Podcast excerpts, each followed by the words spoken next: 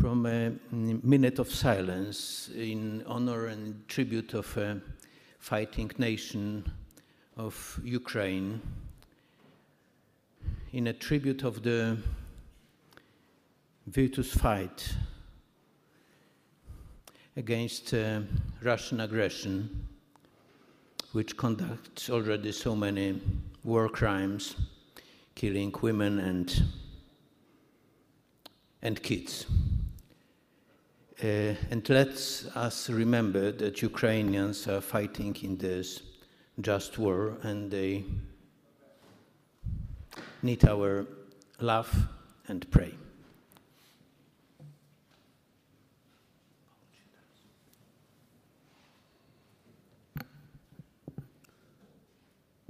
So maybe we say, Our Father, who art in heaven, hallowed be thy name.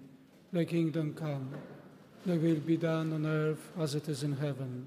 Give us this day our daily bread, and forgive us our trespasses, as we forgive those who trespass against us. And lead us not into temptation, but deliver us from evil. Amen.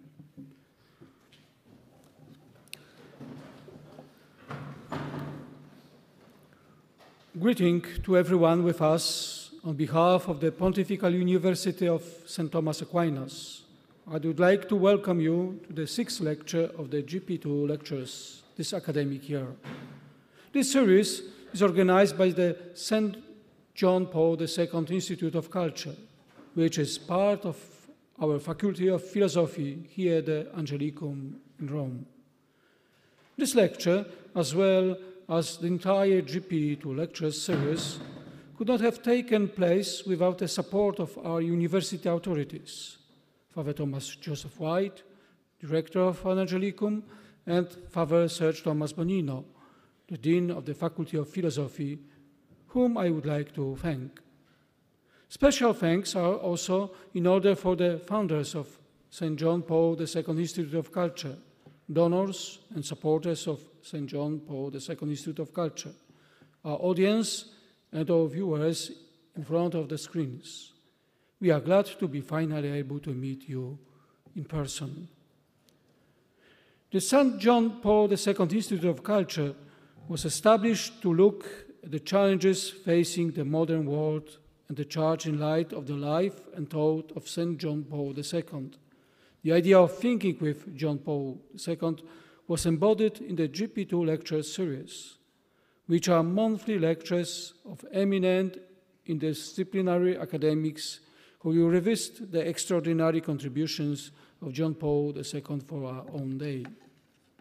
Last month, at the fifth JP2 lectures this academic year, we had the honor of hosting John Milbank, who undertook an interpretation of the concept of integralism Christian thought.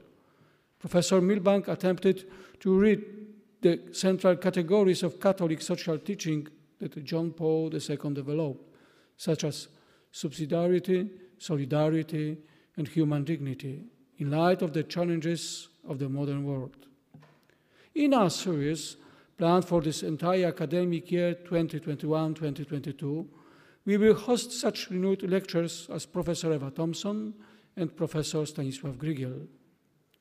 Now, I'm pleased to give the floor to Dr. Dariusz Karłowicz, the initiator of the JP2 lectures series, philosopher, president of St. Nicholas Foundation, strategic partner of the Institute, and the St. John Paul II Institute of Culture program director.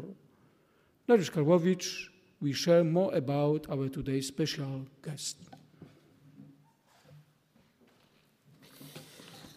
Good afternoon again. Uh, dear friends, it's my honor to introduce to you uh, Professor Carl Albert Anderson, uh, Supreme Knight of the Knights of Columbus from uh, 2000 to 2021, initiator of uh, St. John Paul II National Shrine in Washington, executive producer of numerous documentary films, including one of Pope Francis and three on Pope John Paul II.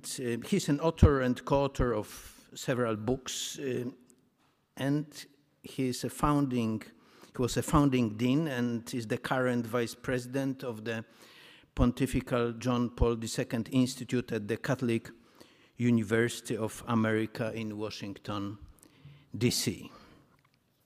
In his lecture titled Christianity and Culture, a truly Christian life bears witness to Christ, Professor Anderson will explain why Christianity's engagement with secular culture must find ways to awakening uh, a sensibility toward transcendence among people who up to now live as though God does not exist. This can be done by Catholics living a way of a life that, as Pope Francis says, bears witness to Christ.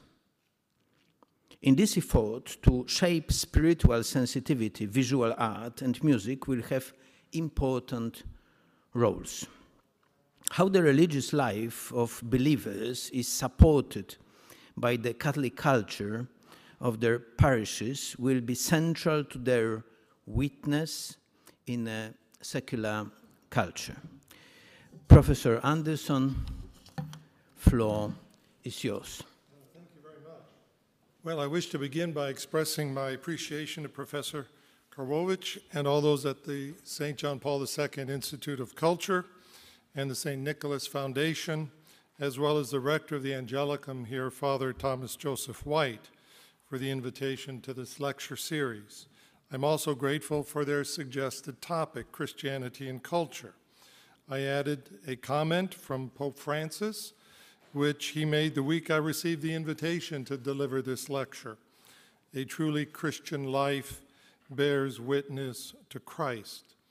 In the context of today's culture, his quote captures the timeless challenge of living the Catholic faith amid the influence of secularism.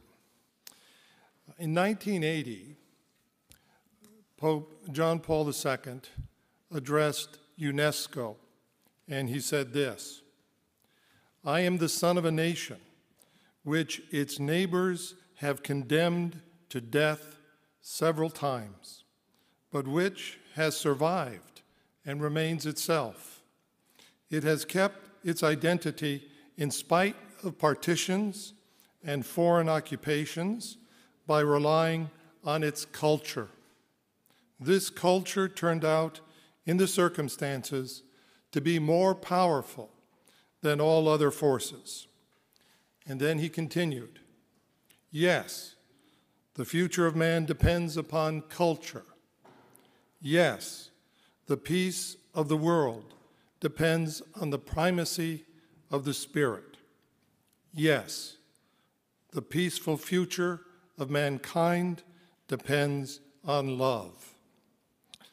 Uh, the terrible events of the past month have made these words of St. John Paul II and the work of this Institute of Culture more relevant than ever.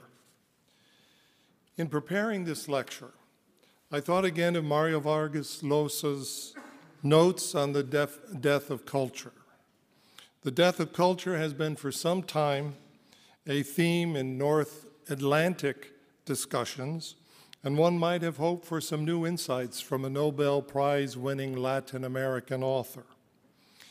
Instead, Llosa relies on the late George Steiner's earlier work entitled In Bluebeard's Castle Some Notes Towards the Redefinition of Culture.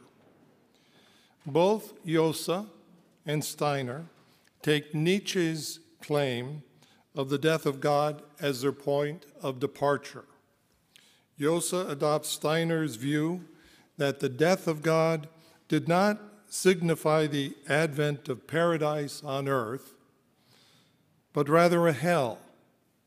The world, liberated from God, gradually became dominated by the devil a spirit of evil, cruelty, and destruction that would culminate in the world wars, the Nazi crematoriums, and the Soviet gulag. With this cataclysm, culture came to an end, and the era of post culture began. Well, not too much to argue about with that. But then Llosa goes on and he accepts not only Steiner's starting point, he also accepts his conclusion.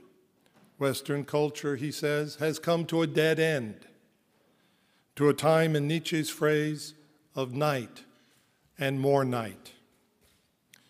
Then neither Llosa nor Steiner offer a positive way forward. Now, the book In Bluebeard's Castle is the published version of lectures delivered by Steiner at the University of Kent in honor of T.S. Eliot. Steiner took the occasion to criticize Eliot's earlier book, Notes Toward the Definition of Culture.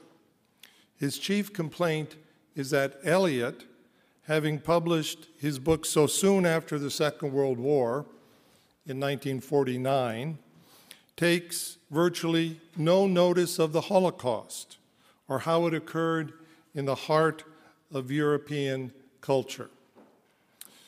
Bluebeard's Castle is a reference to the 1918 opera by Bela Bartok, which puts to music a French folk tale about a wealthy man who marries and then murders a succession of his wives. In Bartok's opera, Bluebeard and his fourth wife, Judith, arrive at his castle shortly after their wedding. Judith finds that there are seven doors in the castle that are locked, and she insists they must be opened. Bluebeard pleads with her to respect his privacy and to keep the doors locked. Judith ignores his request and begins opening the doors. The first door leads to a bloody torture chamber, and then a storeroom filled with weapons, and then a treasury filled with riches, a beautiful garden. The fifth door opens to a view of Bluebeard's kingdom, but it is all tinted the color of blood. The sixth door reveals a vast silvery lake of tears. And then Bluebeard begs Judith, leave the final door closed. She refuses, she opens it, and through it walk Bluebeard's other wives. They take Judith by the hand and lead her back through the door, leaving Bluebeard alone and in the dark. Early performances of the opera made sense of all this by emphasizing Bartok's use of symbolism, and especially the opera's prologue, in which the audience is asked, Where is the stage? Outside us or within us? Steiner uses the opera as a metaphor, suggesting that, like Judith, we are standing before the final door of Western culture. We cannot turn back, he writes. We shall, I expect, open the last door in the castle, even if it leads, perhaps because it leads, onto realities which are beyond the reach of human comprehension and control, even if they envision the possibilities of self destruction. Steiner then offers us two alternatives, neither of which seem very promising. He describes them this way First, there is Freud's Stoic acquiescence, his grimly tired supposition that human life is a cancerous anomaly. And then there is the Nietzschean gaiety in the face of the inhuman. Both attitudes have their logic, Steiner writes. Personally, he says, I feel most drawn to the gay science of Nietzsche. Steiner dismisses Christianity as influencing postmodern culture. He writes Christianity cannot serve as the focus of a redefinition of culture because of its highly ambiguous implication to the Holocaust. Steiner then provides his own interpretation of the Holocaust. It begins with Nietzsche's description of a monotheistic deity whose demands upon humanity are so completely unattainable that they ultimately become an unbearable burden. The death of such a demanding God, therefore, becomes inevitable. Then Steiner takes Nietzsche's analysis and he extends its logic to the Jews. According to Steiner, having achieved the death of such a God, it follows that society would seek the death of the people who were his messengers. The death of God thus leads to the destruction of the Jews. Now, there be, may be a certain logic to his thinking, but I would suggest it is not the logic of history. The God that Steiner describes is not the God of Christianity, it is not the God of Jesus Christ, no matter what Nietzsche may have thought of 19th century bourgeois German Protestantism. Nor is this the God of the Jews, not the God of the Psalms. But even if we grant that Steiner's cosmology is a fair description, it is nonsensical to claim Judaism has influenced Western religious experience to the extent that this was the reason the Nazis sought their destruction.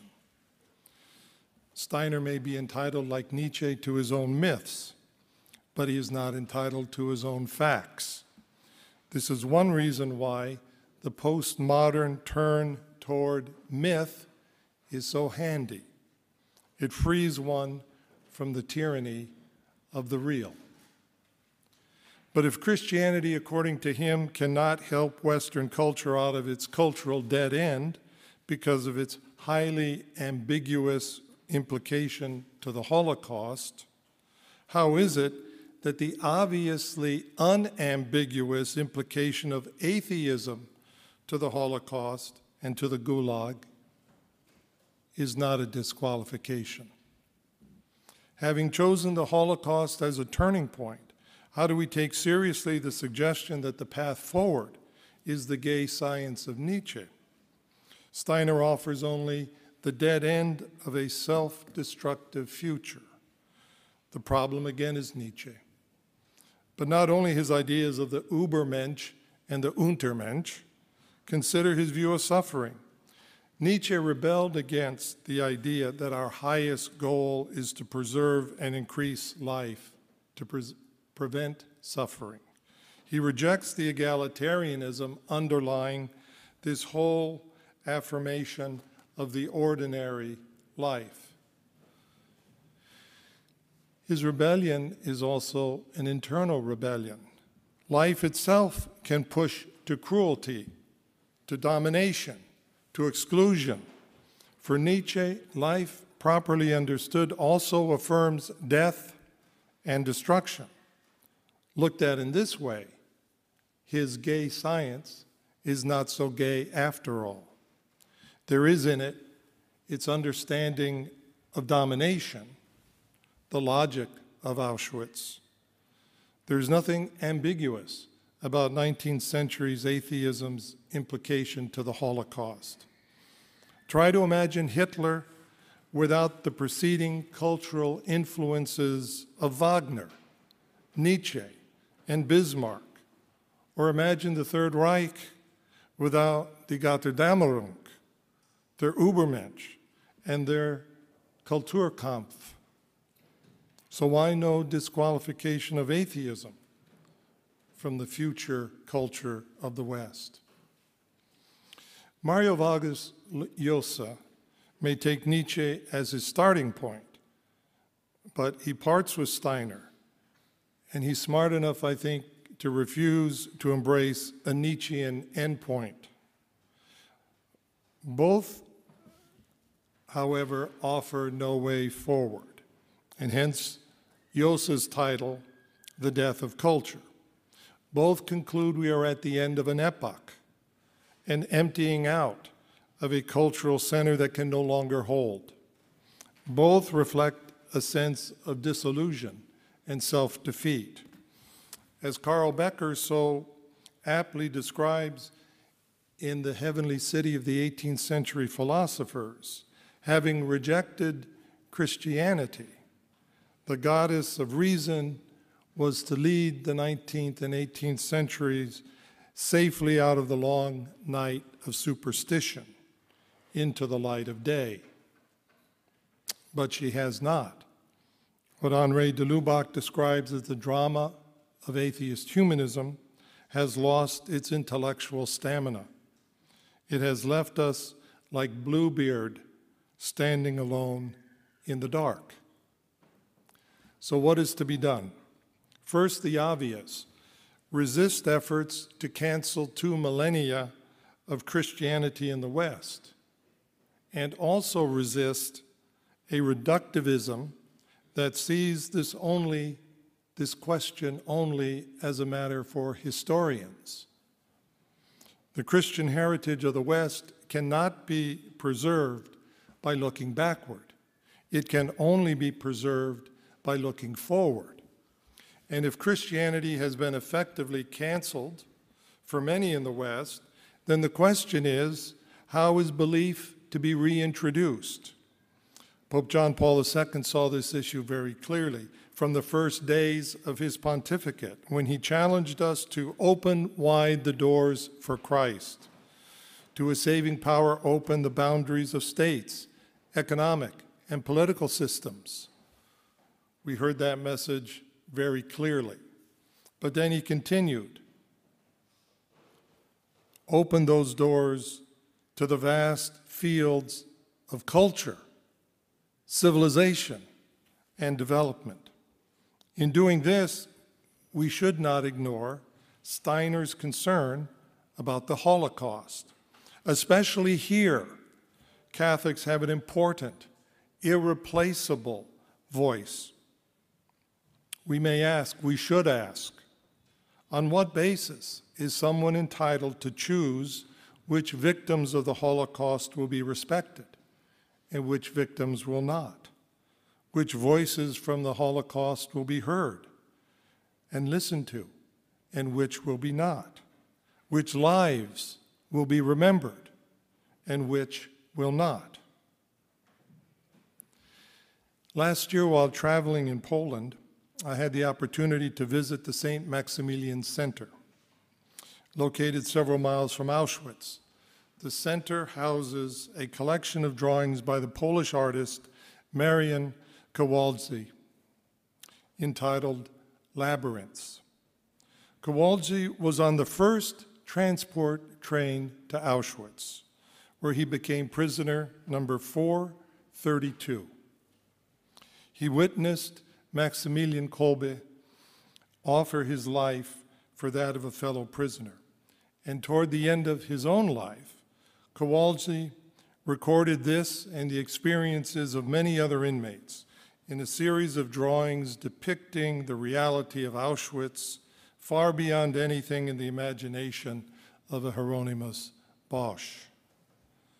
Father Josef Tischner writes this about Kołodziej's work. I have been to Auschwitz several times, but I have never seen there what I saw at this exhibit. My reaction is the real Auschwitz is here. Having also been to Auschwitz several times, I agree with Father Tischner. What is truly horrifying is how these drawings capture the depth of spiritual suffering. Kołodziej relates a practice at Auschwitz during Christmas. The authorities would erect a tall evergreen tree, and from its branches hang the bodies of dead inmates. And at the base of the tree, stack the bodies of other inmates. And then, as the prisoners would march out to their workday, the guards would announce, Look over there.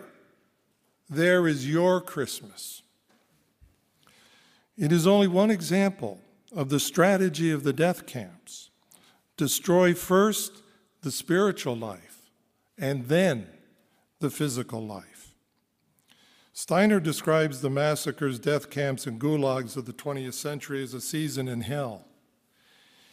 In his exhibit, Kołodziej introduces St. Maximilian Kolbe as a spiritual light in the hellish darkness of Auschwitz. His witness, Kolbe's witness, and that of Kołodziej himself not only have a right to be remembered, but it is also necessary that we remember. Otherwise, we are in the situation described by Alexander Solzhenitsyn in his Nobel Prize lecture of a slashing to pieces of our national memory and a closing down of our national heart. In this context, I would suggest another spiritual light Edith Stein, St. Teresa Benedicta of the Cross. Now, some of you may already be thinking of her death at Auschwitz and her extraordinary book, The Science of the Cross, as a providential response to Nietzsche and the gay science. She is a saint more relevant today than ever. Charles Taylor begins his study of secular culture in this way I want to talk about belief and unbelief, but not as rival theories. Rather, what I want to do is focus attention on the different kinds of lived experiences involved in understanding your life in one way or the other, on what it's like to live as a believer or an unbeliever. I think Edith Stein's background as a philosopher engaged with Husserl and phenomenology opened for her a way of explaining in a more contemporary language the spiritual life and the mystery of transcendence. Consider this description of a knowledge that precludes the action of the intellect from her discussion of the interior of the soul and the thoughts of the heart from her book, The Science of the Cross.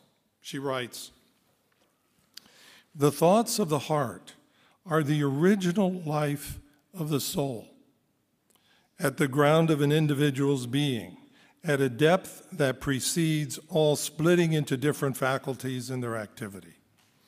There, the soul lives precisely as she is in herself.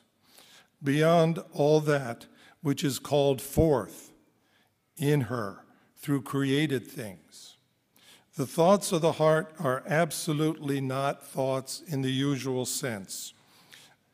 They are not clearly outlined, arranged, and comprehensible constructions of the thinking intellect. They must pass through various formulations before they become such constructions. It seems to me that there is a richness in the writing of Edith Stein waiting to be explored precisely regarding the intelligibility of belief in our secular age. In his introduction to Christianity, Joseph Ratzinger discusses the problem as society's tendency of reducing our knowledge to only that which can be quantified Knowledge of the real, he says, is understood from the standpoint of factum and techne. All that can be known, he writes, is the factum, right? What has been made, man's own particular world. This leads to a technical way of thinking that has fundamentally altered our understanding by reducing reality to only that which is demonstrable. Stein's descriptions of the thoughts of the heart is one approach to this problem that Ratzinger identifies. Jean Luc Marion also touches this question, but from a slightly different perspective. He presents it as an anthropological challenge. According to Marion, Modernity presents only partial and therefore necessarily distorted images of the person, since it ignores what is essential in human existence. This happens, he says, because at the depth of each person's being, there is a mystery that cannot be reduced to an object. that can never be objectified. This mystery is at the heart of what it means to be created in the image of God, and it is this mystery which, in a sense, protects the person from, as he writes, having to be conformed to the ideological models that dismantle the humanity of man. This is because, according to Marion, God does not give a fixed and closed essence to man as things and animals have. God gives man unknowability itself, mystery, which frees him from any definition, bearing the light and bearing the image of the likeness of God means to be exempted from any reductive knowledge. Therefore, he says we must embark on a kind of knowing in a mode different from objectification so as to reach something better than an object. This mystery at the center of what it means to be a person liberates us from a reductive characterization of the self, while at the same time affirms a sense of transcendence. But it also raises the question of how, amid this mystery, we may come to know God's presence. Ratzinger sees the problem clearly. He writes If God is not in Christ, then he retreats into an immeasurable distance. And if God is no longer a God with us, then he is plainly an absent God, and thus he is no God at all. A God who cannot work is not God. So the problem is how, in the mystery of God, we are to know his presence.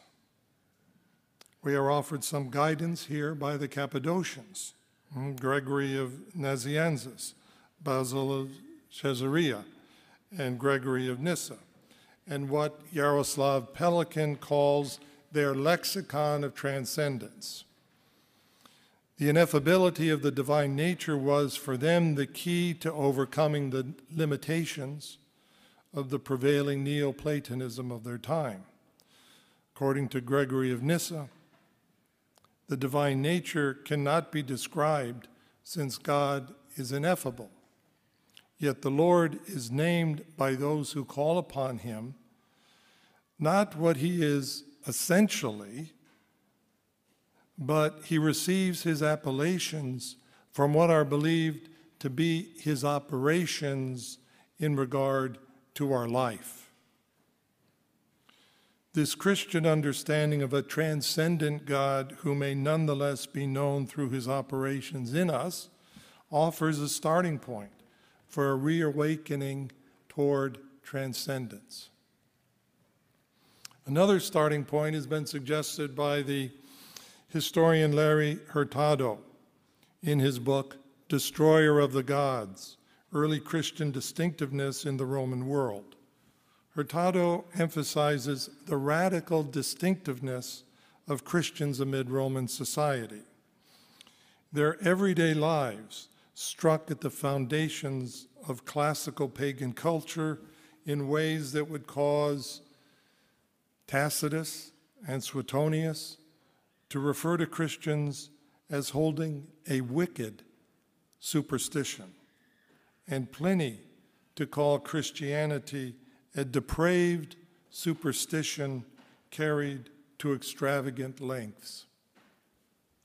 These descriptions are extraordinary since pagan Rome was known to be exceedingly tolerant of a wide variety of religions. So, why would a community centered on living the Beatitudes elicit such responses? In ancient Rome, the pantheon of pagan gods was the guarantor of survival, prosperity, and success, both for the family and for the state. Pagan gods could be generous toward their favorites, but they were more often prideful, arrogant, and vengeful. Insulting the gods could provoke their wrath. The child or a spouse who refused offerings to the household gods not only fractured the family's unity, they jeopardized its future. Citizens who refused piety toward the gods of the city or the empire threatened its prosperity and survival by risking brutal Juno's unforgetting rage.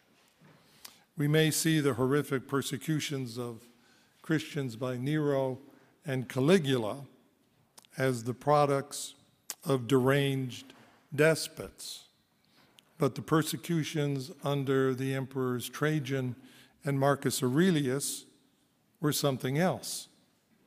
Hurtado's point is that Christianity was considered and really seems to have been a dangerous development that challenged what were then accepted norms of religion, piety, identity, and behavior. Indeed, in that ancient Roman setting, Christianity was perceived by many as irreligious, impious, and unacceptable, a threat to social order.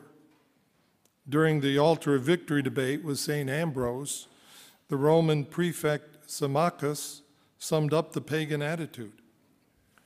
Rome is calling to us and saying, Respect the great age which the holy rites have helped me reach. This worship has made the world subject to my laws. The Jews, of course, also refused to offer sacrifice to pagan gods and were regarded as troublesome and at times were considered subversive enough to be dealt with harshly. But unlike Christians, Jews did not pose a general threat to the empire. Whatever threat they did pose was understood as limited by race and geography. Moreover, they were an inward looking community with little interest of encouraging converts. To the contrary, the Christian claim was not so limited, but was universal as to both geography and society. Christians threatened classical family life in fundamental ways. Most obvious is the Christian condemnation of abortion and infanticide. That affected family prosperity autonomy, and the authority of the paterfamilias. Basil of Caesarea's view of abortion was not untypical of Christians. To quote him, the woman who purposefully destroys her unborn child is guilty of murder. But even more disruptive of classical family life was Christian sexual morality. Hurtado quotes the Greek orator Demosthenes to describe a common attitude of pagan husbands. Quote, We have concubines and courtesans for pleasure, female slaves for our daily care, and wives to give us legitimate children and to be guardians of our households. Now, obviously, Christian morality was at odds with such latitude, but Christian converts within the household could present other de- difficulties to their pagan husbands and masters. The daily functions of the Roman family were held together by a complex network of pagan gods. There were numerous deities involved throughout the conjugal life of the married couple, as well as those associated with the wife's pregnancy, childbirth, the health of the child, and the mother after childbirth. Every meal in the household reserved an offering for the gods. And the first century frescoes preserved at Pompeii, for example, suggest the extent to which pagan religion could be integrated into the environment of the family home by artwork depicting pagan scenes, deities, and mythological scenes. Thus, Christian converts within the family could be a deeply destructive force regarding household piety threatening the peace and the security of the family. But the religion of the family was not only an essential part of family culture and identity, it was also an important part of ancient Rome's culture and identity. In Rome's national epic, the Aeneid, Aeneas is urged at the fall of Troy to take the household gods of Troy and establish a new city for their home.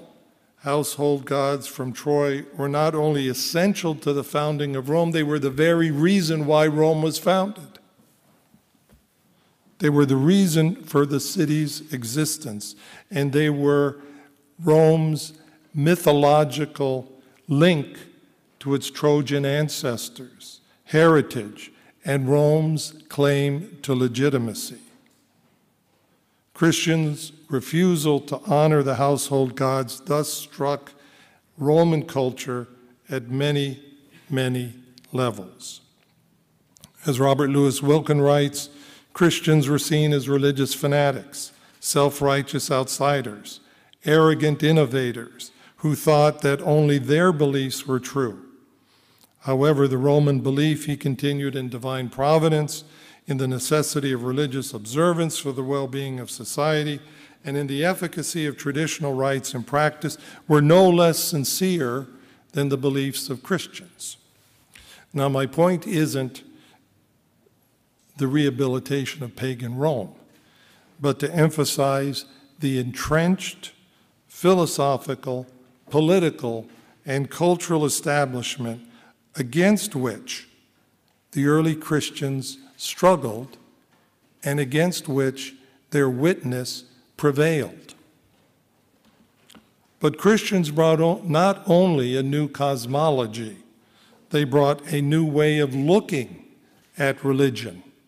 Yves Congar points out that at issue in the confrontation of Christianity with classical culture was essentially the reform of man. It was a question of anthropology, what was meant by the reality of men living in communion with God. In his treatise on the nature of the gods, Cicero observes Did anyone ever give thanks to the gods because he was a good man? No, he did so because he is rich, honored, and secured.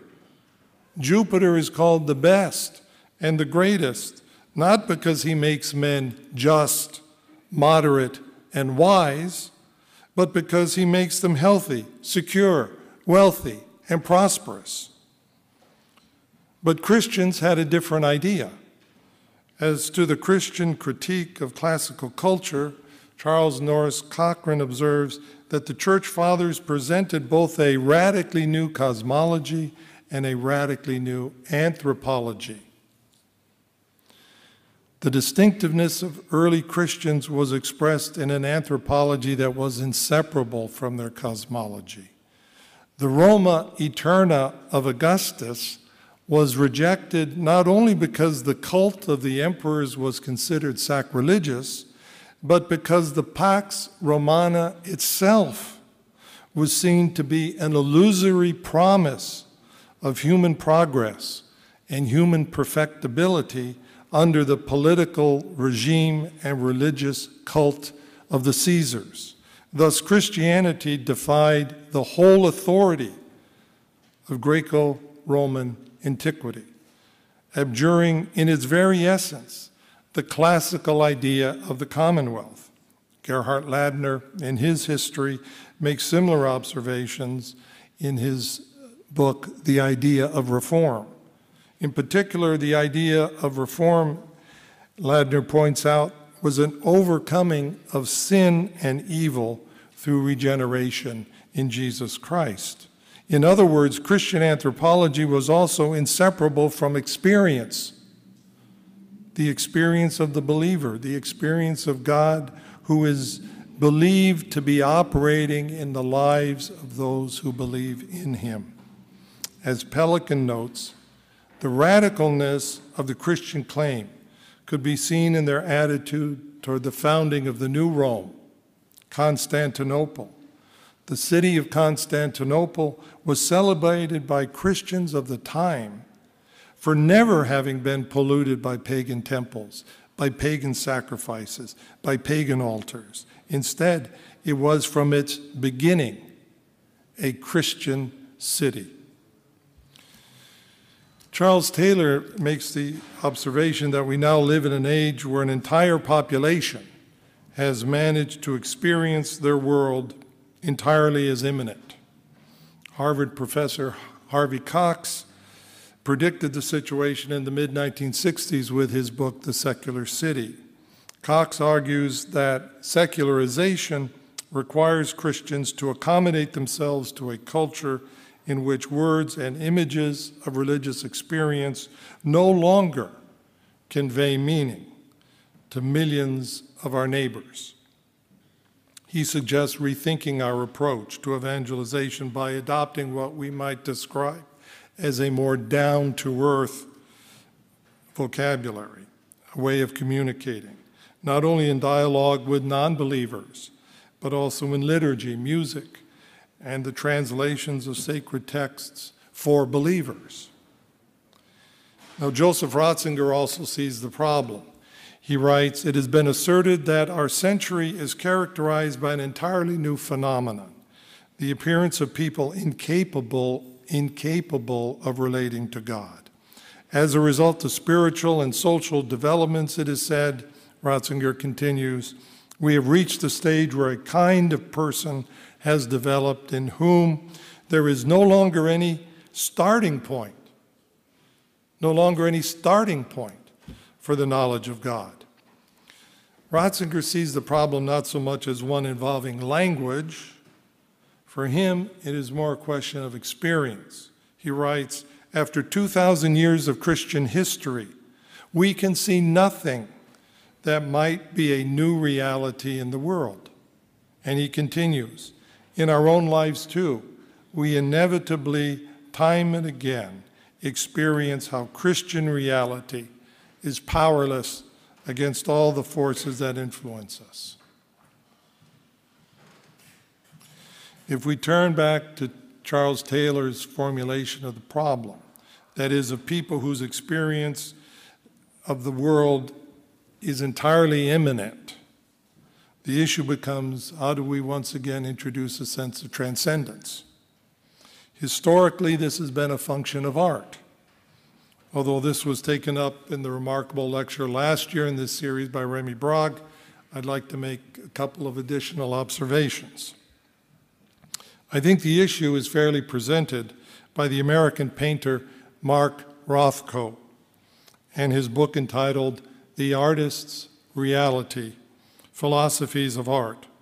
Now, like Steiner, Mark Rothko was influenced by Nietzsche, especially Nietzsche's the birth of tragedy, and Nietzsche's idea that art is bound up with myth. Rothko is undoubtedly America's most important abstract expressionist. In fact, in Simon Schama's BBC series entitled The Power of Art, uh, Schama chose Rothko as one of eight artists, along with Caravaggio, Bernini, Rembrandt, Van Gogh, and Picasso to explain the development of Western art. The Second World War for Rothko marked a turning point, and he finds in Nietzsche's philosophy a way of proceeding as an artist.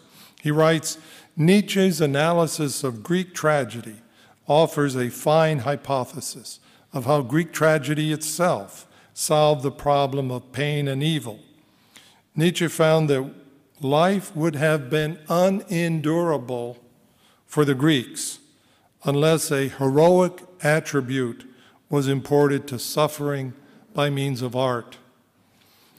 There is also a Nietzschean influence in Rothko's characterization of classical culture and Christianity as providing us nothing more than myth. The problem, as Rothko sees it, is this quote, when an artist wants to show interaction, he must inevitably go back to these old myths.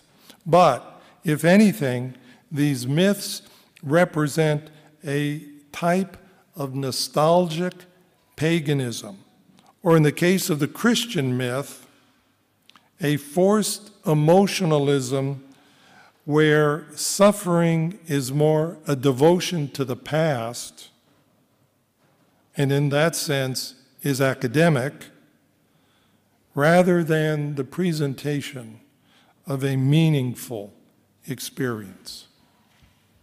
Thus, presenting a meaningful experience requires the abandonment of the old myths, according to Rothko, and the creation of new ones. He writes, in a sense, the whole artistic process since the Renaissance can be described as a nostalgic yearning for a myth and a search for new symbols that will enable art to symbolize again the utmost fullness of reality.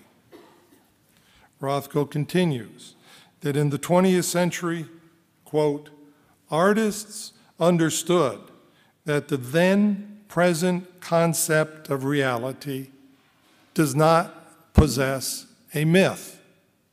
Hence, they made their subject matter referable to the abstractions of form and their subject matter referable to sensations.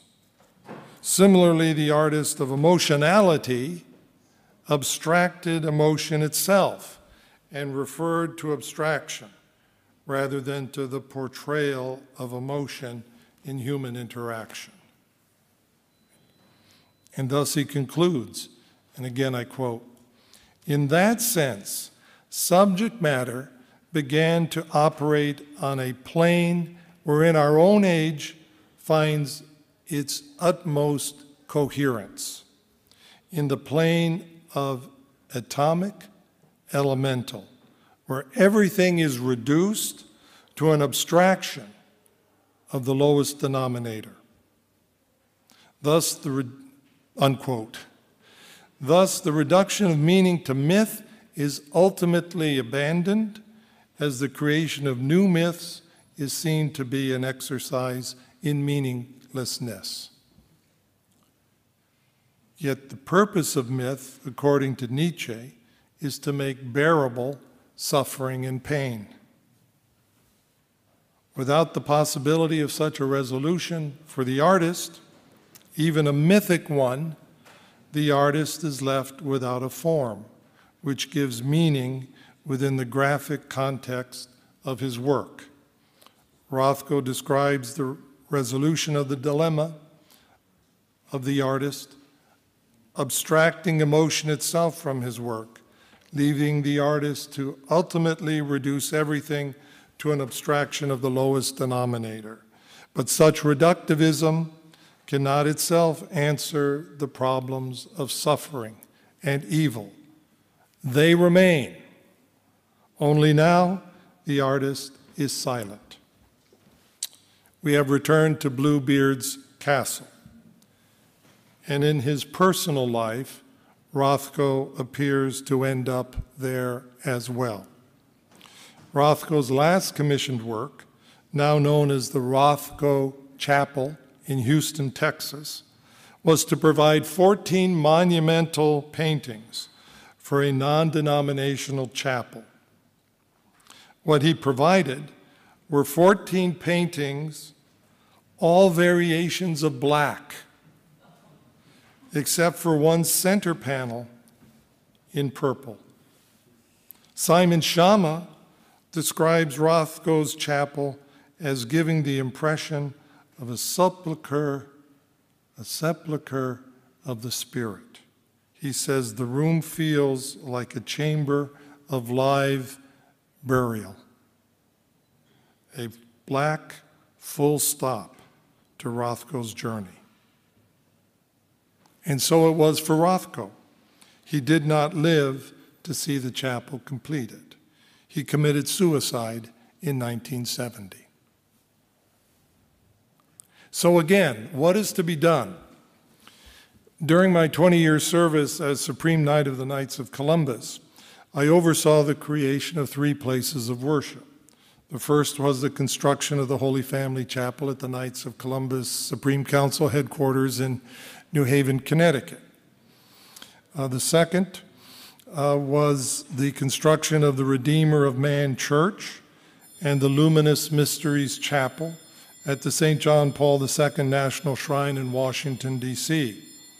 These projects were undertaken with Father Marko Ivan Rupnik and his community of artists at Centro Aletti here in Rome. And during this time, the Knights of Columbus also cooperated with the Fabbrica di San Pietro in a series of restoration projects. The most significant were the restoration of the 14th century wooden crucifix of St. Peter's Basilica, the Madonna Mater Ecclesia of the column from the Constantinian Basilica of St. Peter, and the Madonna del Soccorso, displayed for centuries over the relics of St. Gregory of Nazianzus in St. Peter's Basilica, as well as the chapels and frescoes of the Madonna della Bocciata and the Madonna della Partoriente in the Vatican grottos near the tomb of St. Peter. Each of these projects was an opportunity for reflection on the role of art and architecture in Christian worship. The Vatican projects emphasized Otto von Simson's observation about the Gothic cathedral. He wrote, The religion of medieval man was a communication with a sacred reality that was invisible, yet immediately and continuously present through an architecture particularly attuned to religious experience. He describes the great medieval cathedrals as representing a mystical image of the Lord's eternal sanctuary in the heavenly Jerusalem. It is this approach we tried uh, to envision in our work with Father Rupnik at the St. John Paul II National Shrine. That work made evident one of von Simson's most important observations, namely that, now I quote, the life of art forms is governed by two conflicting principles one creative and original, the other bound by tradition and conservative. The relationship between style and language is key to understanding the problem, according to von Simson. He says both are media through which a culture during several generations expresses itself, a fact that accounts for the static tent character by which the imagery of language and the styles of art tend to limit the creative scope of the individual artist. This enduring matrix, he continues, is broken only if a universal experience receives expression at the hands of a great artist or poet. In that event, the poet creates a new language and the artist creates a new style. I think that this is precisely our situation today. After decades of static imagery and styles influenced by a secular culture, it is time this secular matrix is broken by Christian artists with a coherent theological vision. Father Rupnik and Centro Aletti, I think, represent one example of how this can be done. And there are undoubtedly others who can help lift the spirit of worshipers in prayer through an art and architecture that reflects a community in a living communion with sacred reality. Hans Urs von Balthasar describes a temptation in this regard. He writes that for the artist, his first move will be to return once more to the past. This return will be beneficial, but only on one condition that he understand well that history, far from dispensing us from creative effort, actually imposes it on us.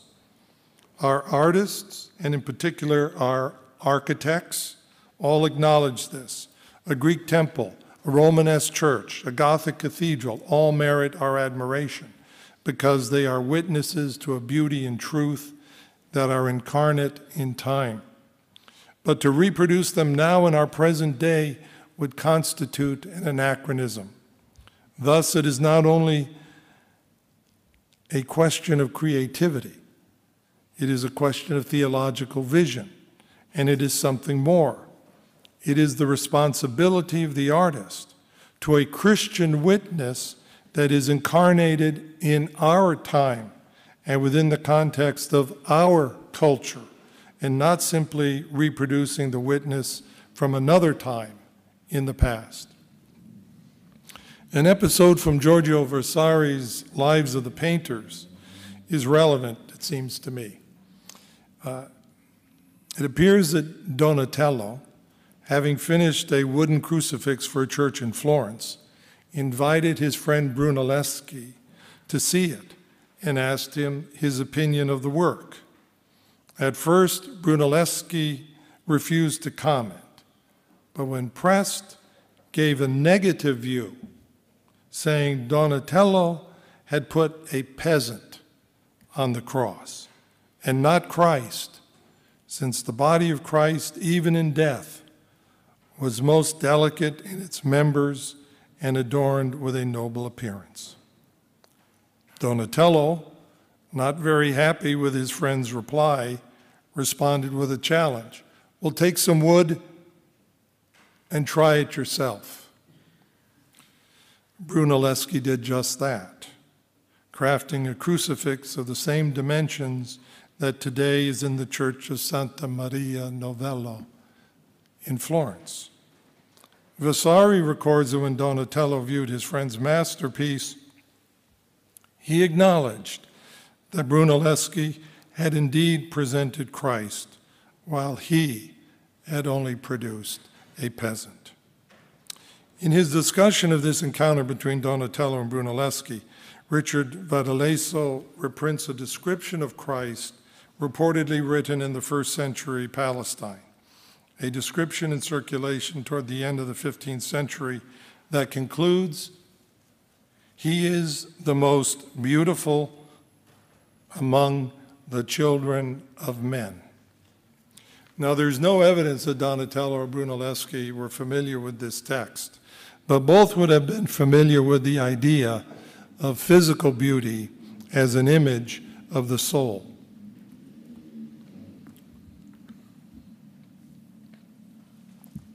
What I am suggesting is something different from the classical Greek ideal of beauty as perfection of the human form with a dependence upon order, symmetry, and mathematical proportion.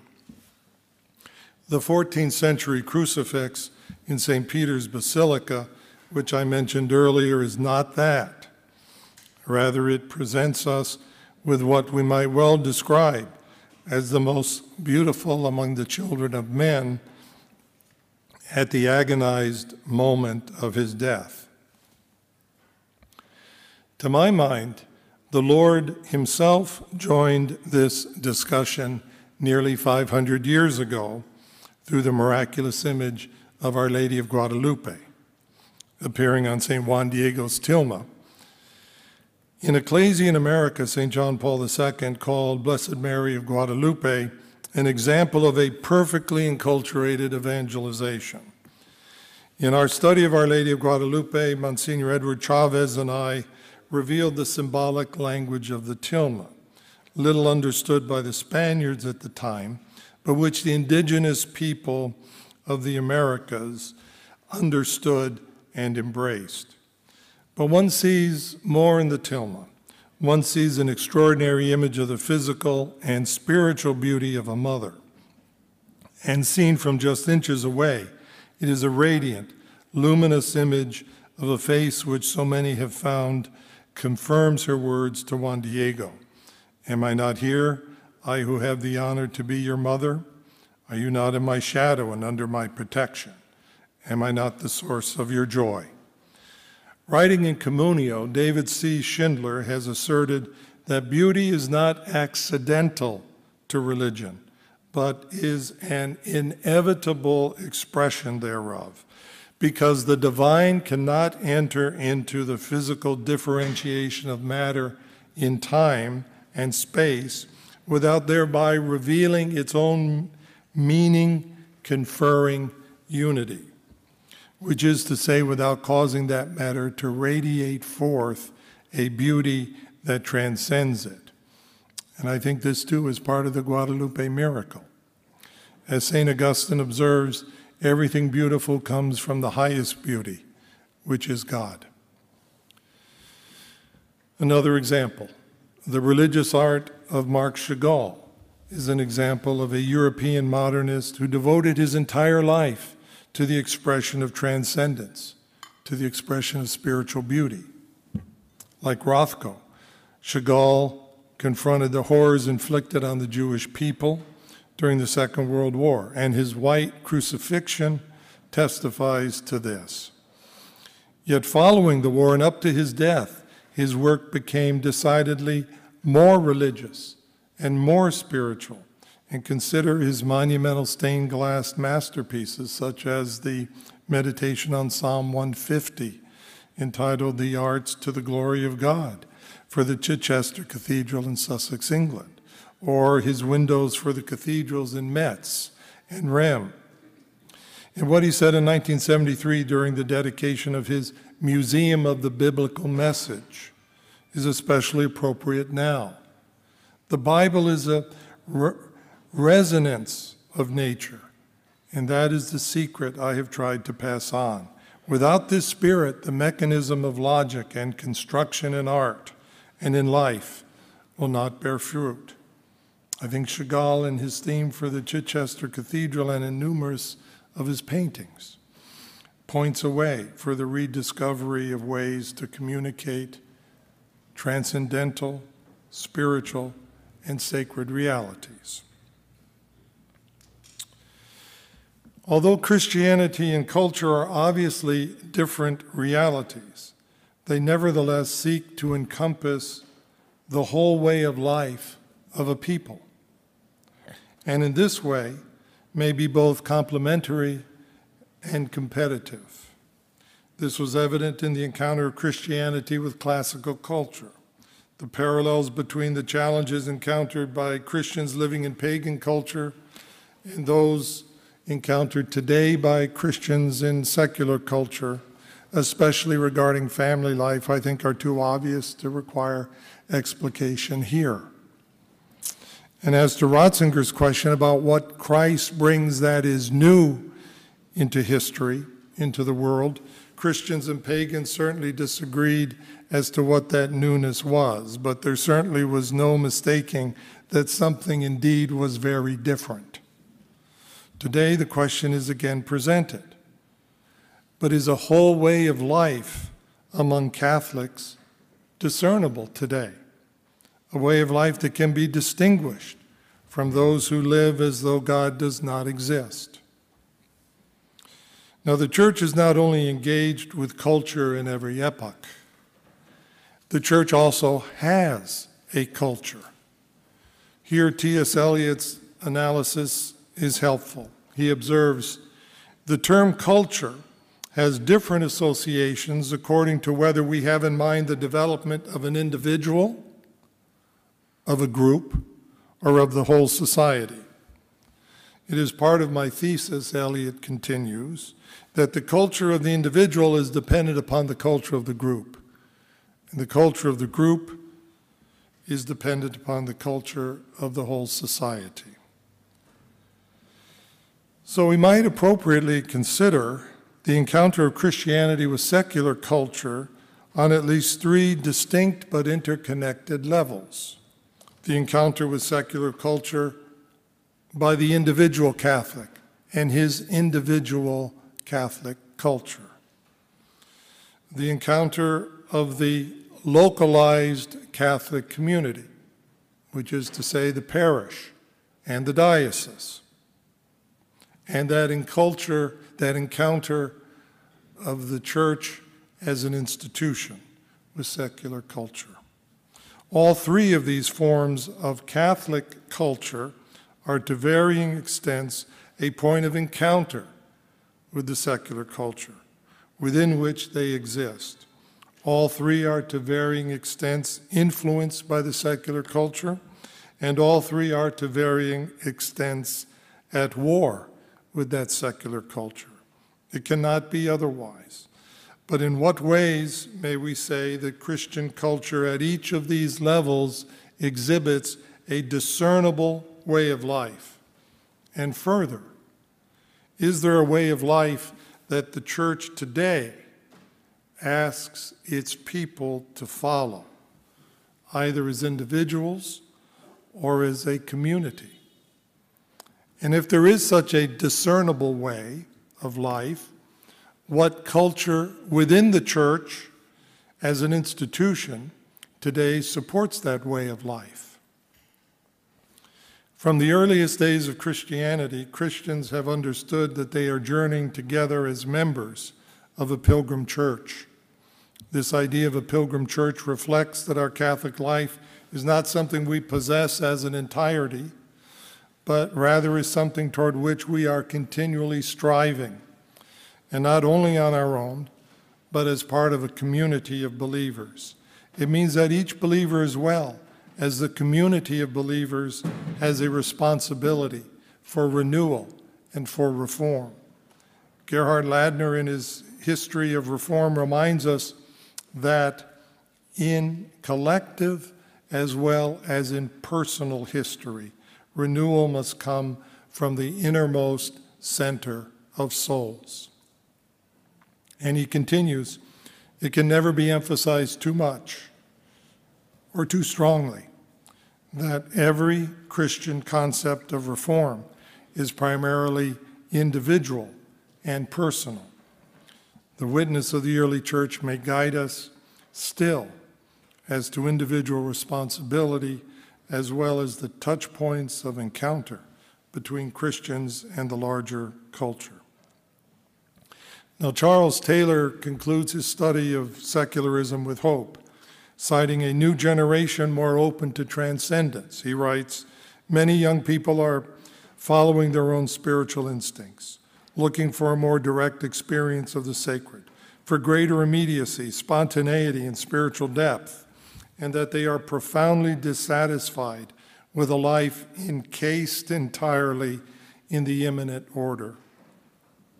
He says that we are just at the beginning of a new age of religious searching.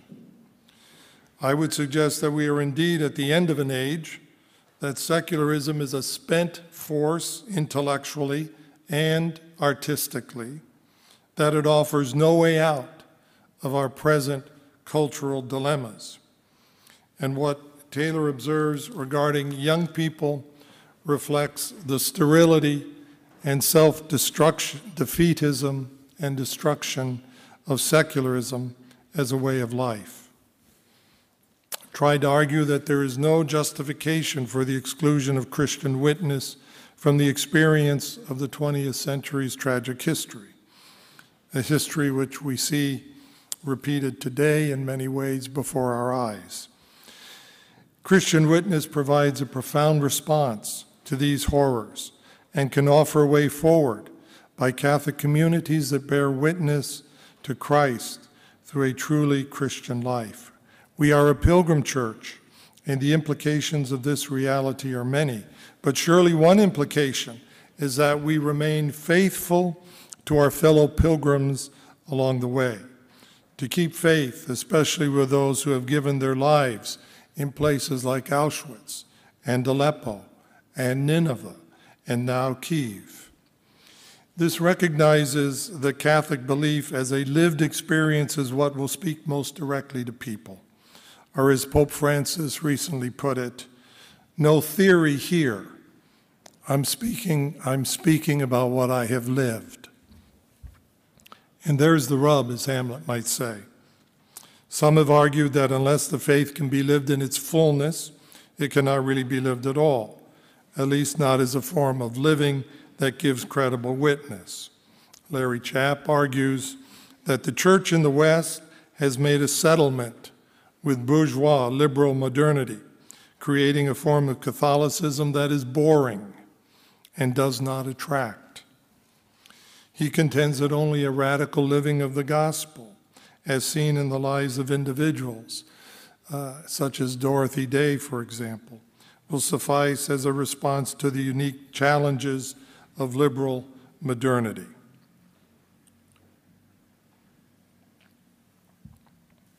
My experience in leading more than two million men in the Knights of Columbus and their families tells me that regarding a life of Christian witness, the harvest may be more plentiful than we know. The problem is not so much that the workers are so few, but that we have called too few forward to leave, lead such lives of Christian witness. I've seen firsthand the witness of thousands of Catholic men throughout Asia, Europe, and North America who live lives of credible witness and authentic Christian charity. I see them today doing remarkable work in Poland and in Ukraine, and I have found it is a matter, in this case, of providing structure, formation, guidance, empowerment, and opportunity to the laity, and especially at the parish level. And most importantly, calling our fellow Catholics to a better understanding of the Christian states of life, the vocation of the laity, and the call to discipleship. One final example. In this regard, I would also recall the witness of Blessed Franz Jägerstätter, the Austrian martyr who was executed in 1943 by the Nazis for refusing military service.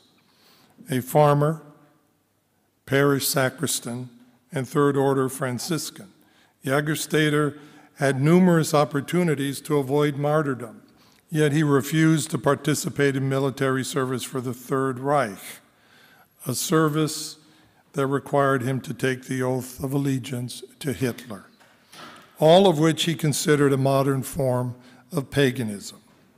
Some months before his execution, Jägerstätter wrote, What is demanded of us Christians today? We are expected not only to offer sacrifices, but also to attack, rob, and even murder people so that a national socialist world empire will come about. Nevertheless, people who decide not to obey the state's commands are accused of doing something seriously sinful. Wouldn't it be worthwhile to learn from the lives of the saints so that we would know how the first Christians would have responded to today's evil commands? Jägerstätter's life and death is the subject of the American film director Terrence Malick's exceptionally beautiful film, A Hidden Life. Because of films like A Hidden Life, To the Wonder, and The Tree of Life, Malick has been described as an ontological and transcendent filmmaker. As a director whose films convey the theme of human love as a participation in divine love, not only in a film script, but also through the film's imagery and its music. Sometimes in a Malick film, such as To the Wonder, it is as simple as the closing line Love that loves us, thank you. Like Chagall, Malick has succeeded in introducing a spiritual and a transcendent style into a contemporary artistic medium that opens us to mystery, transcendence, and to the spiritual. But our great artists who have created a new style in their own medium, both Chagall and Malick.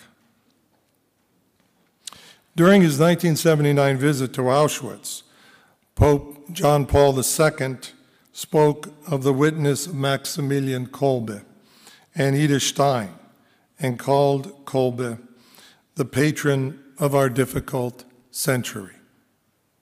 Several years later, John Paul II declared Saints Benedict, Cyril, and Methodius the patron saints of Europe. So, following his example, I would like to suggest Kolbe, Stein, and Jägerstätter a Polish priest and Franciscan friar, an ethnically Jewish philosopher and Carmelite nun, and an Austrian married layman as patrons of Christian witness for our century. There is no doubt many others could be included as patrons. But going back to George Steiner's contention that Christianity should have little to say about our future because of a so called ambiguous relationship to the Holocaust, I would say that the lives of the, these three Christians provide not only a more than adequate response, but they call us to a deep reflection on the demands of discipleship in our own day. Earlier, I mentioned the challenge presented by St. John Paul II at the beginning of his pontifical ministry. It still pertains. Open wide the doors for Christ. He devoted his entire pontifical ministry to this endeavor.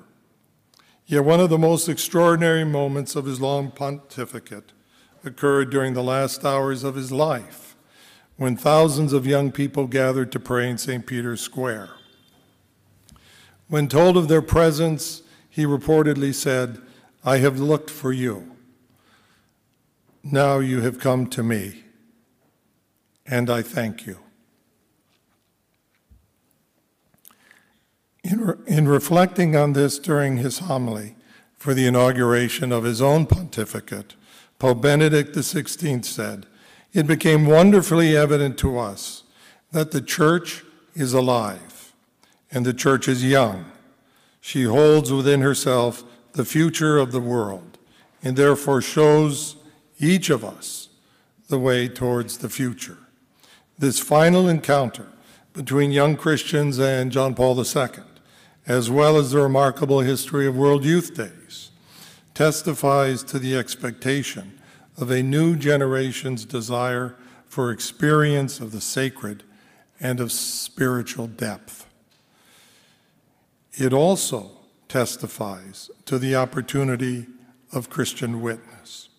The Church does indeed hold within herself the future of the world, and that future depends in so many ways on the degree to which each of us can build an authentic culture of Christian witness. Thank you very much.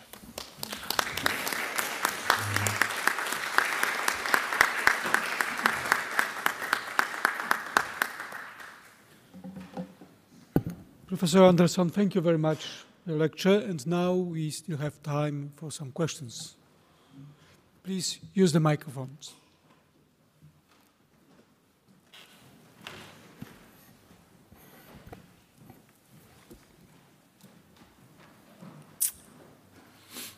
Speechless.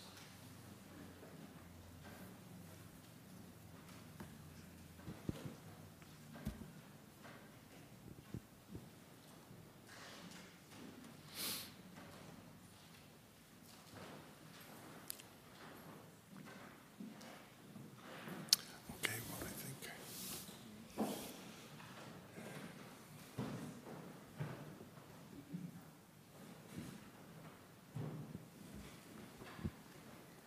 Thank you very much uh, for the lecture. Um, I would like to uh, ask about the hope um, about the new generation. Uh, as you mentioned, that uh, Charles Taylor is expressing a, a hope.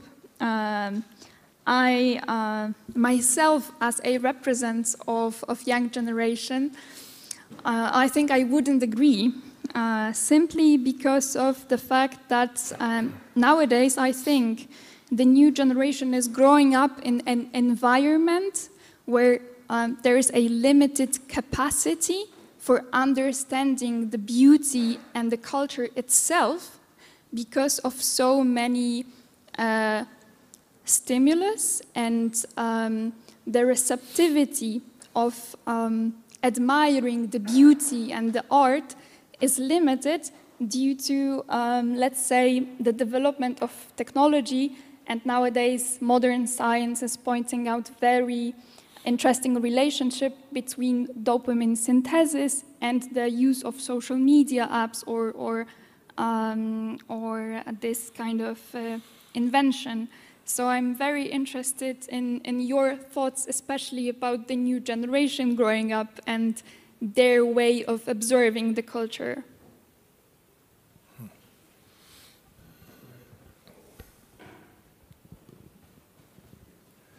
All right, well, thank you very much. Yes, I think there's a lot of pressure and reductivism in terms of making this uh, very difficult. But I think uh, what I try to uh, give some examples, there is this mystery and there is this yearning and this direction towards transcendence in all of us. And I would say even modern uh, contemporary psychology now is learning a great deal about how this actually exists in early childhood and is nurtured in early childhood.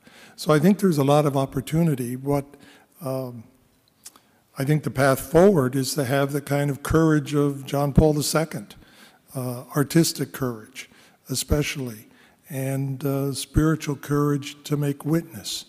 And that's why I spent so much time talking about the early church in pagan society.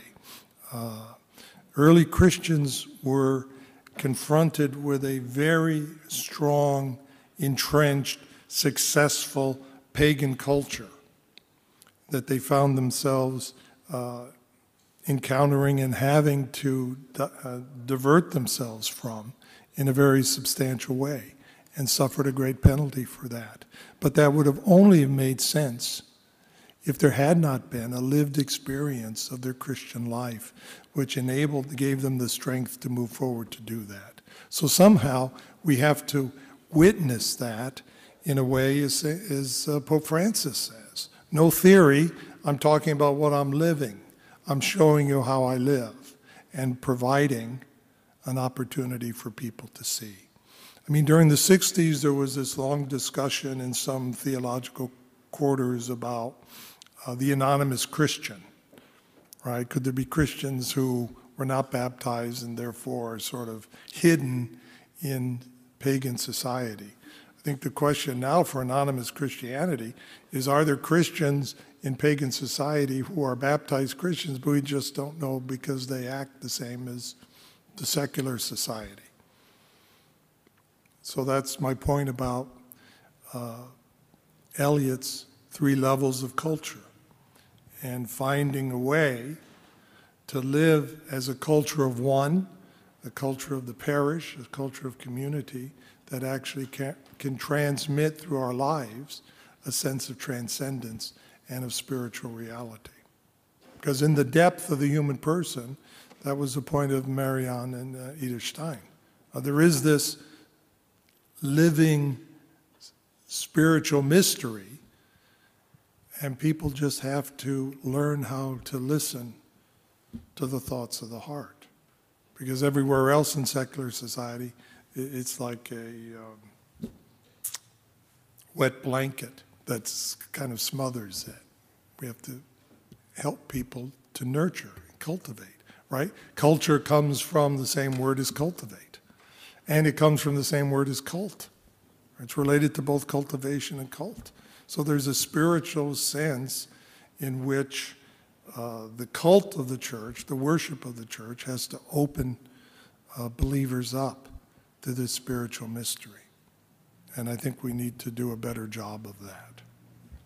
I don't know if that helps some of the answer.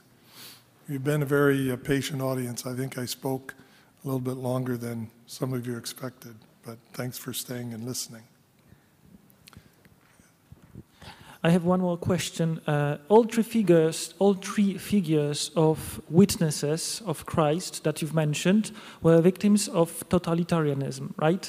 And my question is: Is the discussion with modern secularism is more about um, discussing the experience of the heart of the darkness of the 20th century that destroyed the feeling of presence of God? more than discussing with 19th century ideologies of atheism that have some kind of resonance today. But this is my question. Is uh, dealing with the experience of heart of the darkness from of the 20th century more important in the modern discussion with secularism than with the philosophy of atheism? Well, I think individuals who are interested in evangelization Uh, Henri de Lubac's The Drama of Atheist Humanism is absolutely essential reading. Absolutely essential reading. Uh, I, so I think it's very important to understand that um, 19th century atheism has a militancy to it that sees Christianity as the enemy, not just wrong, but as the enemy, right? Uh, religion is the opium of the people, according to Marx. Uh, religion is a, a, a, neurosis, according to Freud. Uh, religion, Christianity is a slave religion, according to Nietzsche. So whether we take the, the communist, socialist uh, alternative, or the alternative of science represented by Freud, or the alternative of uh, existential freedom by Nietzsche, all three of them see Christianity not just as something to be rejected, uh, but something to be destroyed, because it is the sole impediment. Right? It's the opium of the people that keeps the people from realizing the reality of their situation, right? It is a neurosis that keeps people from understanding reality. It is a slave religion that keeps people from uh, flourishing in their freedom and achieving what they can be. And the corollary to that is that the eth- that Christian ethics has to be destroyed because it is a false ethics based on a false narrative that keeps people from actually realizing the true narrative and the true ethical way. So that absolutely, uh, I think, is fundamental. Um, there's a certain uh, historicism, right, to Nietzsche, Freud, uh, Marx, in terms of the end of modernity and the beginning of postmodernity. We're now, I think, in a, in a uh, more represented in a postmodern situation in which the destruction of the self is quite evident and it's not been replaced by anything right? Uh, the modernist project, progress, et cetera, perfectibility, purpose of education, that all died at Auschwitz. So they're, cor- they're correct there. The progressive enlightenment culture was killed at Auschwitz. That's, that's over. They have no alternative. That was the reason for the example of Steiner, Josse, Rothko. They're at a dead end. Right? They reject Christianity, but they have nothing to offer. The question is, is, is Christianity a myth? Is it a myth? Or is it something that really changes lives? Is it just a routine? Is it just a, an ethics, a system of ethics, a system of philosophy? Is that what it is? Or is it something more? Is it something that changes your life? And I think that's what the early Christians saw clearly. And that's what that's what Ratzinger is probing when he says, What new does it bring today? What new does it bring today? Right? You, you walk the streets of Rome, you're surrounded by everything that's 500 years old, 1,000 years old. But today, what does it do? Today, what does it do? And the only way to show that is by experience. You can't really argue it. So I mean, you need to be intellectually formed, cultivated, but you need a spiritual form that reflects itself in life. And it's not easy. It's not easy because electronic communication has created a very tough, aggressive, anti Christian culture. And it affects the youth, I mean, youth, youth, dramatically. They, they have their own culture, right? I look at rap music, look at uh, you know, tattoos and style and influence. Totally anti Christian. Totally anti Christian. And it's a world that most parents don't realize their kids live in. Take an hour and listen to rap music. Take the most popular rap music, listen to videos, watch them. What do you see? You see pornography right? So it's a, it's a culture that uh, we have to really have the courage to break, to stand up against.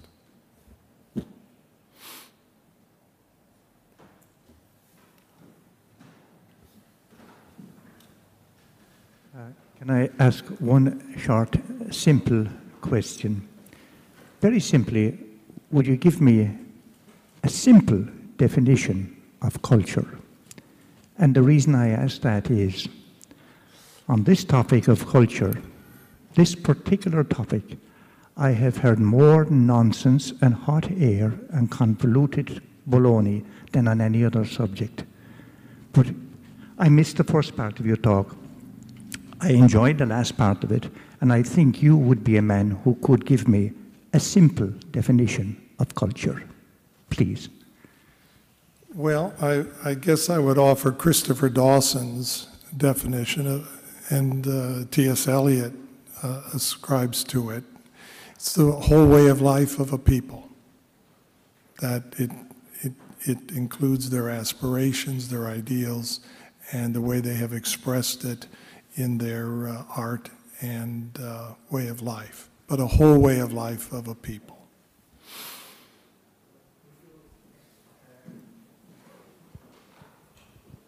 A definition I would give is it is the expression outwards in art, law, law, government, custom of what is deepest in man. Yeah, I would, I would agree. And It the sounds, deepest, the deepest in man has to be his relationship to God. He's in his image, he was created by him, he's destined for him. And that culture will express that. And if it doesn't express that, it becomes just like what you were saying, it becomes a kind of an anti culture or a destructive thing. It's only expressing a kind of a nihilism then. That culture is the expression of what is deepest in man, and that is his relationship to God.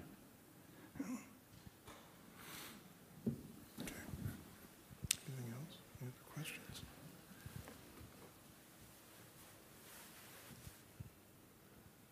It's hard to see with the lights. Yes, it's difficult to see. Okay. All right, thank you.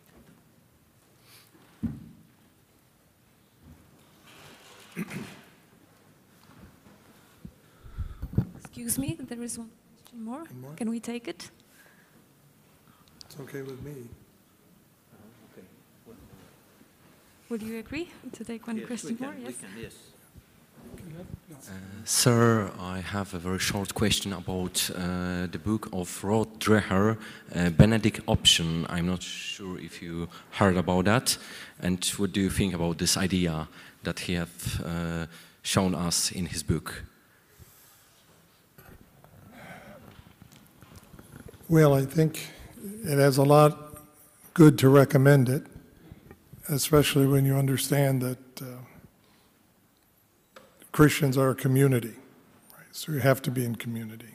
And uh, the problem is, I think, in a totalitarian, in, in a, in a world that verges on totalitarianism, and a world that has uh, such a highly complex, industrialized, and electronic communication. That world is not going to allow you the Benedict option, even if you want to choose it. Right? You can run, but you can't hide. Right? There's no island, there's no mountain, there's no um, cliff where you can hide because they get they, they will get to you. So I think we need another alternative. Now that doesn't mean that community is not important. Community is very important, uh, and I think it also means that we really have to be engaged uh, in the parish. Okay, I know that you know, maybe 20, 30 years ago there was a lot of talk about the movements uh, being an alternative to parish life, and to some extent there may be uh, some truth. But I do think that the real that the church in a local the local church lives or dies in the parish. And so we have to we have to find ways to be engaged in parish life and make the parish a real Eucharistic community where people uh, where there's a sense of solidarity and people actually care for one another and help one another, accompany one another, and So I, I guess that's my answer on the Benedict option. If it would work, I think it would be great, but I just don't think they're going to let us retreat like that. Because you think, because you see, I think the problem is this ultimately the existence of a living Christian community destroys, challenges the legitimacy of, this, of a purely secular order that pushes away the transcendent.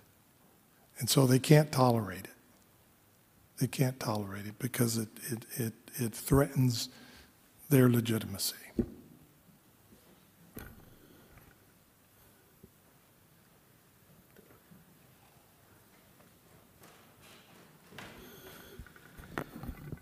Professor Anderson, once again, thank you very much that you agreed to be with us here in Angelicum. Thank you for your lecture.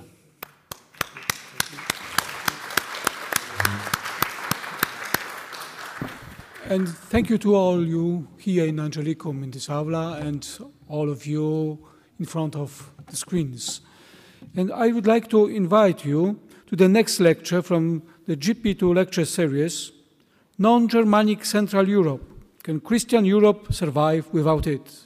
by Professor Ewa Thompson, which will take place on April 7th at the same time, half past 4 p.m.